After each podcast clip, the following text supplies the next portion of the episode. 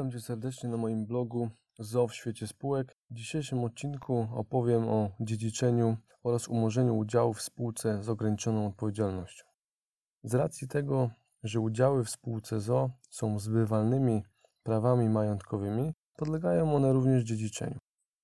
W miejsce zmarłego wspólnika do spółki mogą wstąpić jego spadkobiercy, chyba że umowa spółki wyłącza lub ogranicza wstąpienie spadkobierców. W przypadku, kiedy umowa spółki nie zawiera żadnych postanowień odnoszących się do kwestii dziedziczenia, wówczas udziały zmarłego wspólnika podlegają dziedziczeniu ustawowemu lub testamentowemu. O przejściu udziału na spadkobierców powinno się zawiadomić spółkę. Dowodem przejścia udziałów będzie m.in. postanowienie o nabyciu spadku, umowa o nabycie spadku, umowa o dział spadku bądź postanowienie sądu o dziale spadku. Spadkobiercy nie muszą składać żadnego oświadczenia o przystąpieniu do spółki, ponieważ z mocy prawa stają się jej wspólnikami.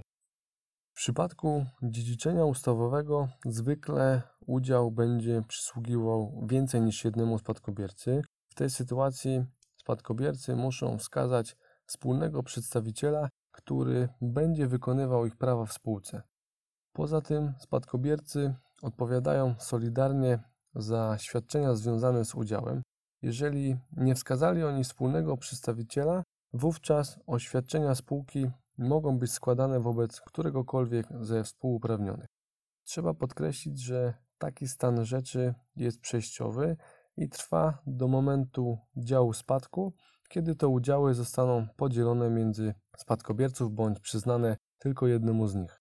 W przypadku dziedziczenia udziałów kodeks spółek handlowych daje możliwość dokonania w umowie spółki ZO określonych wyłączeń lub ograniczeń odnoszących się do wstąpienia do spółki spadkobierców wspólnika, podziału udziałów w przypadku, gdy zmarły wspólnik miał więcej niż jeden udział oraz podziału udziałów w przypadku, gdy zmarły wspólnik dysponował tylko jednym udziałem.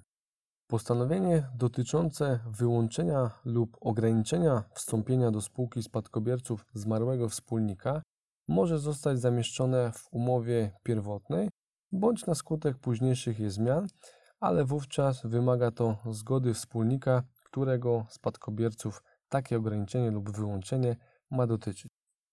Wyłączenie możliwości wstąpienia do spółki powinno dotyczyć wszystkich spadkobierców zmarłego wspólnika.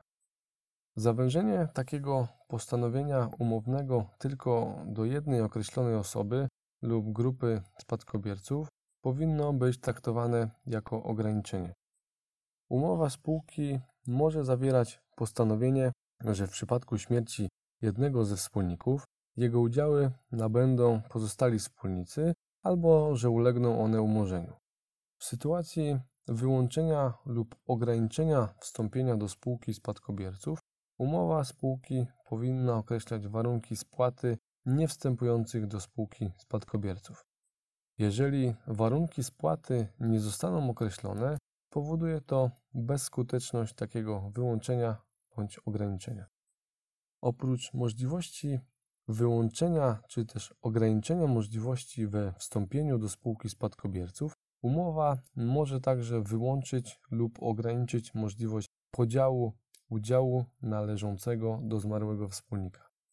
Takie postanowienie umowne ma na celu uniknięcie rozdrabniania udziałów. Umowne ograniczenie czy też wyłączenie podziału udziałów zmarłego wspólnika wpływa na dopuszczalność bądź sposób działu spadku w zakresie praw udziałowych, które wchodzą w skład spadku. Sąd dokonujący działu spadku będzie związany postanowieniami umowy. To samo tyczy się również spadkobierców, jeżeli dział spadku będzie przeprowadzony w trybie umownym. Jeżeli umowa spółki nie wyłącza możliwości wstąpienia do spółki spadkobierców, to w przypadku wyłączenia możliwości podziału udziałów między spadkobierców powoduje to, że prawa udziałowe staną się przedmiotem współwłasności. Umowne ograniczenie podziału udziałów może polegać na uzależnieniu podziału od zgody spółki, a także na tym, że udziały będą mogły przypaść nie więcej niż dwóm spadkobiercom. Jeżeli w umowie spółki nie zostanie przewidziana możliwość wyłączenia lub ograniczenia podziału udziałów zmarłego wspólnika, wówczas udziały będą mogły zostać podzielone między spadkobierców zgodnie z postanowieniami umowy o dział spadku bądź postanowieniami sądu o dziale spadku. Jeżeli według umowy spółki zmarły wspólnik mógł mieć tylko jeden udział, wówczas na skutek podziału nie mogą powstać udziały o wartości nominalnej niższej niż 50 zł. Jeżeli chodzi o umorzenie udziałów, to umorzenie jest czynnością polegającą na pozbawieniu danego udziału jego bytu prawnego, co w konsekwencji przekłada się na zniesienie wynikających z niego praw oraz związanych z nim obowiązków. Umorzenie jest jedynym sposobem likwidacji udziału w czasie istnienia spółki z ograniczoną odpowiedzialnością. Wyróżnia się kilka rodzajów umorzenia. Na gruncie artykułu 199 Kodeksu Spółek Handlowych można wyróżnić trzy podstawowe rodzaje umorzenia. Pierwsze z nich jest to umorzenie dobrowolne, dokonywane za zgodą wszystkich wspólników w drodze nabycia udziałów przez spółkę. Drugie umorzenie przymusowe, dokonywane bez zgody wspólnika na podstawie przesłanek i w trybie przewidzianym umową spółki. Trzecie umorzenie na skutek ziszczenia się zdarzenia przewidzianego w umowie spółki, czyli tzw. Tak umorzenie warunkowe bądź automatyczne. Tutaj w ramach tych trzech podstawowych rodzajów umorzenia można dokonywać jeszcze dalszych kwalifikacji, opierając się na cechach poszczególnych przypadków umorzenia. Jeżeli chodzi o przedmiot umorzenia, to jeżeli umowa spółki z ograniczoną odpowiedzialnością dopuszcza umorzenie udziałów, umorzenie może dotyczyć każdego udziału reprezentującego prawa udziałowe w spółce z ograniczoną odpowiedzialnością. Dopuszcza się także umorzenie części udziału, o ile stanowi tak umowa spółki. Umorzenie udziałów nie musi dotyczyć wszystkich wspólników spółki ZO. Umowa spółki może zawierać postanowienia, że uprawnionymi do umorzenia udziałów będą tylko niektórzy wspólnicy. Umorzenia udziałów w spółce ZO dokonuje się z różnych przyczyn. Najczęściej jako cel umorzenia wskazuje się przede wszystkim wyrównanie straty bilansowej, dobrowolne wystąpienie wspólnika ze spółki bez potrzeby zbywania udziałów, zapobieżenie niechcianym zmianom w składzie osobowym spółki, wykluczenie wspólnika ze spółki bądź zastosowanie sankcji wobec wspólnika.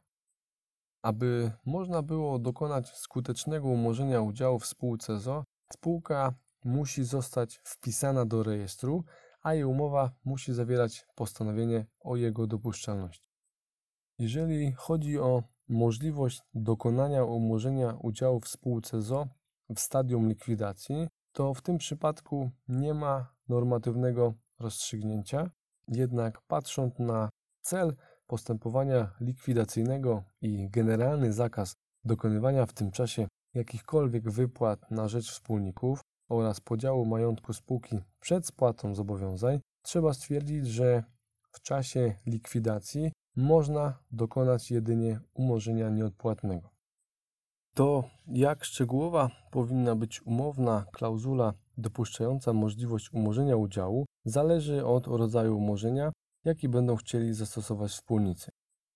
Jeżeli umowa spółki milczy w kwestii dopuszczalności umorzenia udziałów, to konsekwencją będzie brak możliwości zastosowania tej instytucji w trakcie funkcjonowania spółki. Ogólna klauzula pozwalająca na umorzenie udziałów będzie miała zastosowanie jedynie w przypadku umorzenia dobrowolnego. Zastosowanie ogólnej klauzuli umownej, np.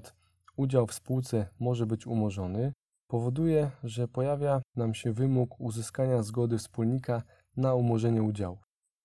Pozostałe warunki umorzenia, takie jak źródła finansowania oraz wysokość wypłaconego wspólnikowi wynagrodzenia, mogą zostać określone w uchwale Zgromadzenia Wspólników.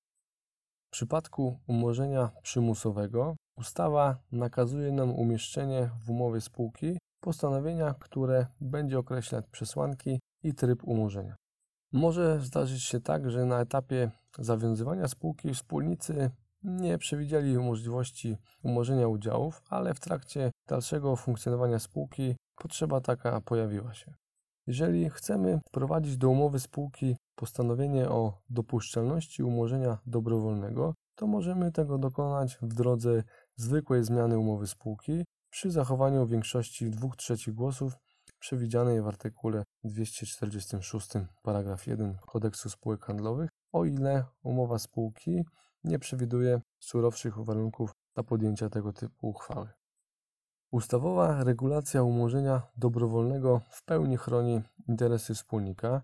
Wspólnik, który wyraził zgodę na zmianę umowy spółki, ale nie wyraził zgody na umorzenie jego udziałów, będzie w pełni chroniony, a instytucja umorzenia dobrowolnego zostanie zablokowana. Na podstawie artykułu 246 paragraf 3 Kodeksu spółek handlowych wprowadzenie do umowy spółki postanowień zgodnie z którymi dopuszcza się możliwość zastosowania umorzenia przymusowego oraz umorzenia na skutek ziszczenia się zdarzenia przewidzianego umową, wymaga uzyskania zgody wszystkich wspólników, których zmiany te dotyczą. Jeżeli przyczyna umorzenia nawet potencjalnie będzie odnosić się do każdego wspólnika, wówczas wymagana jest zgoda wszystkich wspólników. Teoretycznie możliwe jest ukształtowanie przesłanek umorzenia przymusowego tak, aby dotyczyły one tylko niektórych wspólników. Wówczas wystarczy podjęcie uchwały o zmianie umowy spółki większością 2 trzecich głosów i uzyskanie zgody tych wspólników, których przyczyna umorzenia może dotyczyć. Tak jak wspomniałem, umorzenie dobrowolne wymaga zgody wspólnika i następuje w drodze nabycia udziałów przez spółkę w celu ich umorzenia. Sam fakt nabycia udziałów przez spółkę nie powoduje ich umorzenia. Aby doszło do umorzenia udziałów, wymagane jest podjęcie uchwały przez zgromadzenie wspólników.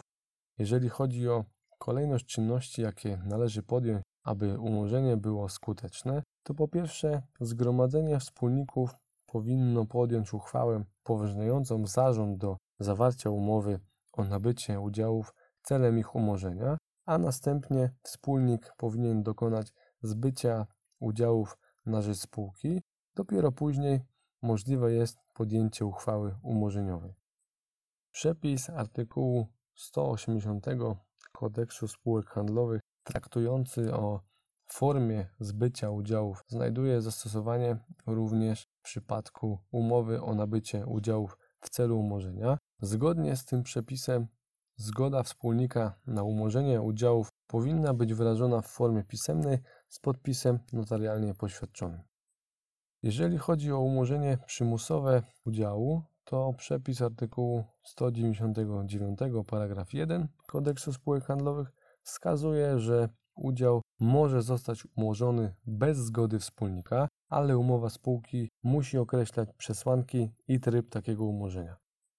W tym przypadku Brak zgody wspólnika odnosi się jedynie do momentu podejmowania uchwały o umorzeniu przymusowym. Nie dotyczy on wprowadzenia do umowy spółki ZO postanowienia dopuszczającego możliwość umorzenia przymusowego lub poszerzającego umowny katalog jego przesłanek.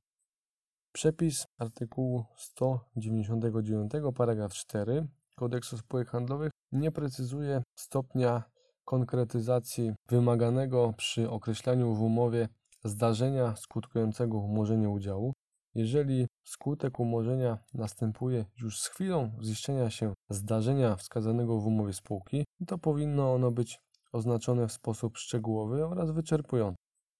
Zdarzenie określone w umowie spółki powinno mieć jednostkowy charakter i być obiektywnie stwierdzalne, Jednostkowy charakter wynika z konieczności ustalenia momentu zaistnienia tego zdarzenia, ponieważ w przypadku zdarzeń o charakterze ciągłym lub powtarzalnym może nasuwać to pewne trudności. Obiektywna stwierdzalność wymusza wyłączenie kategorii ocennych. Tutaj działanie na szkodę spółki lub podjęcie działalności konkurencyjnej nie spełnia tych kryteriów. Umowa spółki powinna zatem określać zdarzenie skutkujące umorzeniem w taki sposób, aby fakt jego zaistnienia był łatwy do udowodnienia. Umorzenie udziału w spółce wiąże się z odpłatnością. Nie oznacza to jednak, że otrzymywanie przez wspólnika ekwiwalentu za udział stanowi konieczny element dokonania tego rodzaju czynności. Zasadą jest, że wspólnikowi przyznaje się odpowiednie wynagrodzenie za umorzony udział. Środki przeznaczane na ten cel pozyskiwane są z dwóch źródeł. Po pierwsze z czystego zysku lub ze środków uzyskanych w wyniku obniżenia kapitału zakładowego. Dopuszczalne jest także dokonanie umorzenia nieodpłatnego, jeżeli wspólnik, którego udział podlega umorzeniu, wyraził na to zgodę.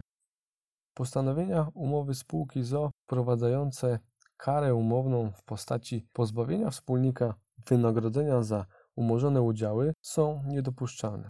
Zgoda wspólnika na dokonanie umorzenia nieodpłatnego może być wyrażona w każdej formie i może dotyczyć wszystkich rodzajów umorzenia. Kodeks spółek handlowych nie wprowadza minimalnej wysokości wynagrodzenia w przypadku umorzenia dobrowolnego, ustalając wysokość wynagrodzenia za dobrowolnie umarzane udziały, należy brać pod uwagę kilka okoliczności, m.in.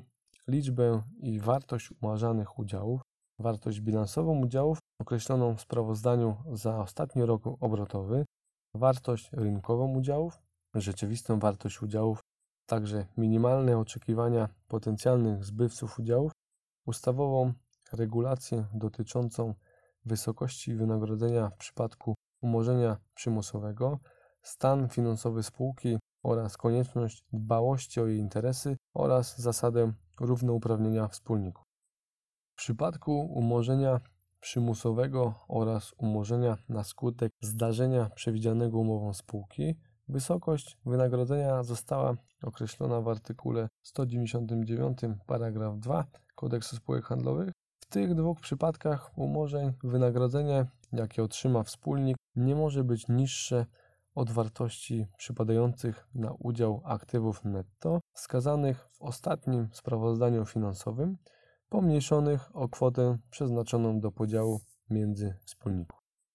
Z chwilą skutecznego umorzenia udziałów po stronie wspólnika powstaje roszczenie o wypłatę wynagrodzenia. Wynagrodzenie za umorzone udziały stanowi świadczenie pieniężne i może zostać wypłacone zarówno w formie gotówkowej, jak i bezgotówkowej. Niedopuszczalne jest dokonanie wypłaty wynagrodzenia w formie aportu wniesionego do spółki przez wspólnika. Podstawowym skutkiem umorzenia udziałów przekładającym się na sferę praw i obowiązków wspólnika jest ich wygaśnięcie w takim zakresie, w jakim umorzeniu uległy posiadane udziały. Skutek umorzenia obejmuje wszystkie prawa i obowiązki wynikające z umorzonego udziału, Ustają one w stosunku do wspólnika i nie przechodzą na inne podmioty. W przypadku udziałów uprzywilejowanych, uprzywilejowanie wygasa w takim zakresie, jaki wynikał z uprzywilejowania umorzonych udziałów. Osobisty charakter uprzywilejowania powoduje, że uprzywilejowanie istnieje dopóki wspólnik posiada przynajmniej jeden udział w spółce. W systemie jednego udziału którym wspólnik może posiadać tylko jeden udział, jego umorzenie powoduje utratę członkostwa w spółce. W systemie wielości udziałów równych i niepodzielnych utratę członkostwa powoduje jedynie umorzenie wszystkich udziałów.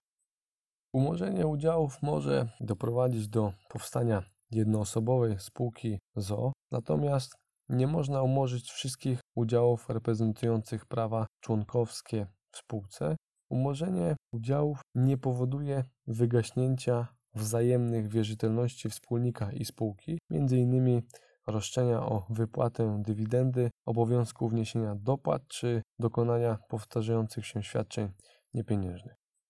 Po dokonaniu umorzenia udziałów zarząd spółki zobligowany jest do dokonania odpowiedniej wzmianki księdze udziałów i przedstawienia do sądu rejestrowego nowej listy wspólników. Dzisiaj to wszystko. Dziękuję za uwagę. Do usłyszenia w kolejnym odcinku.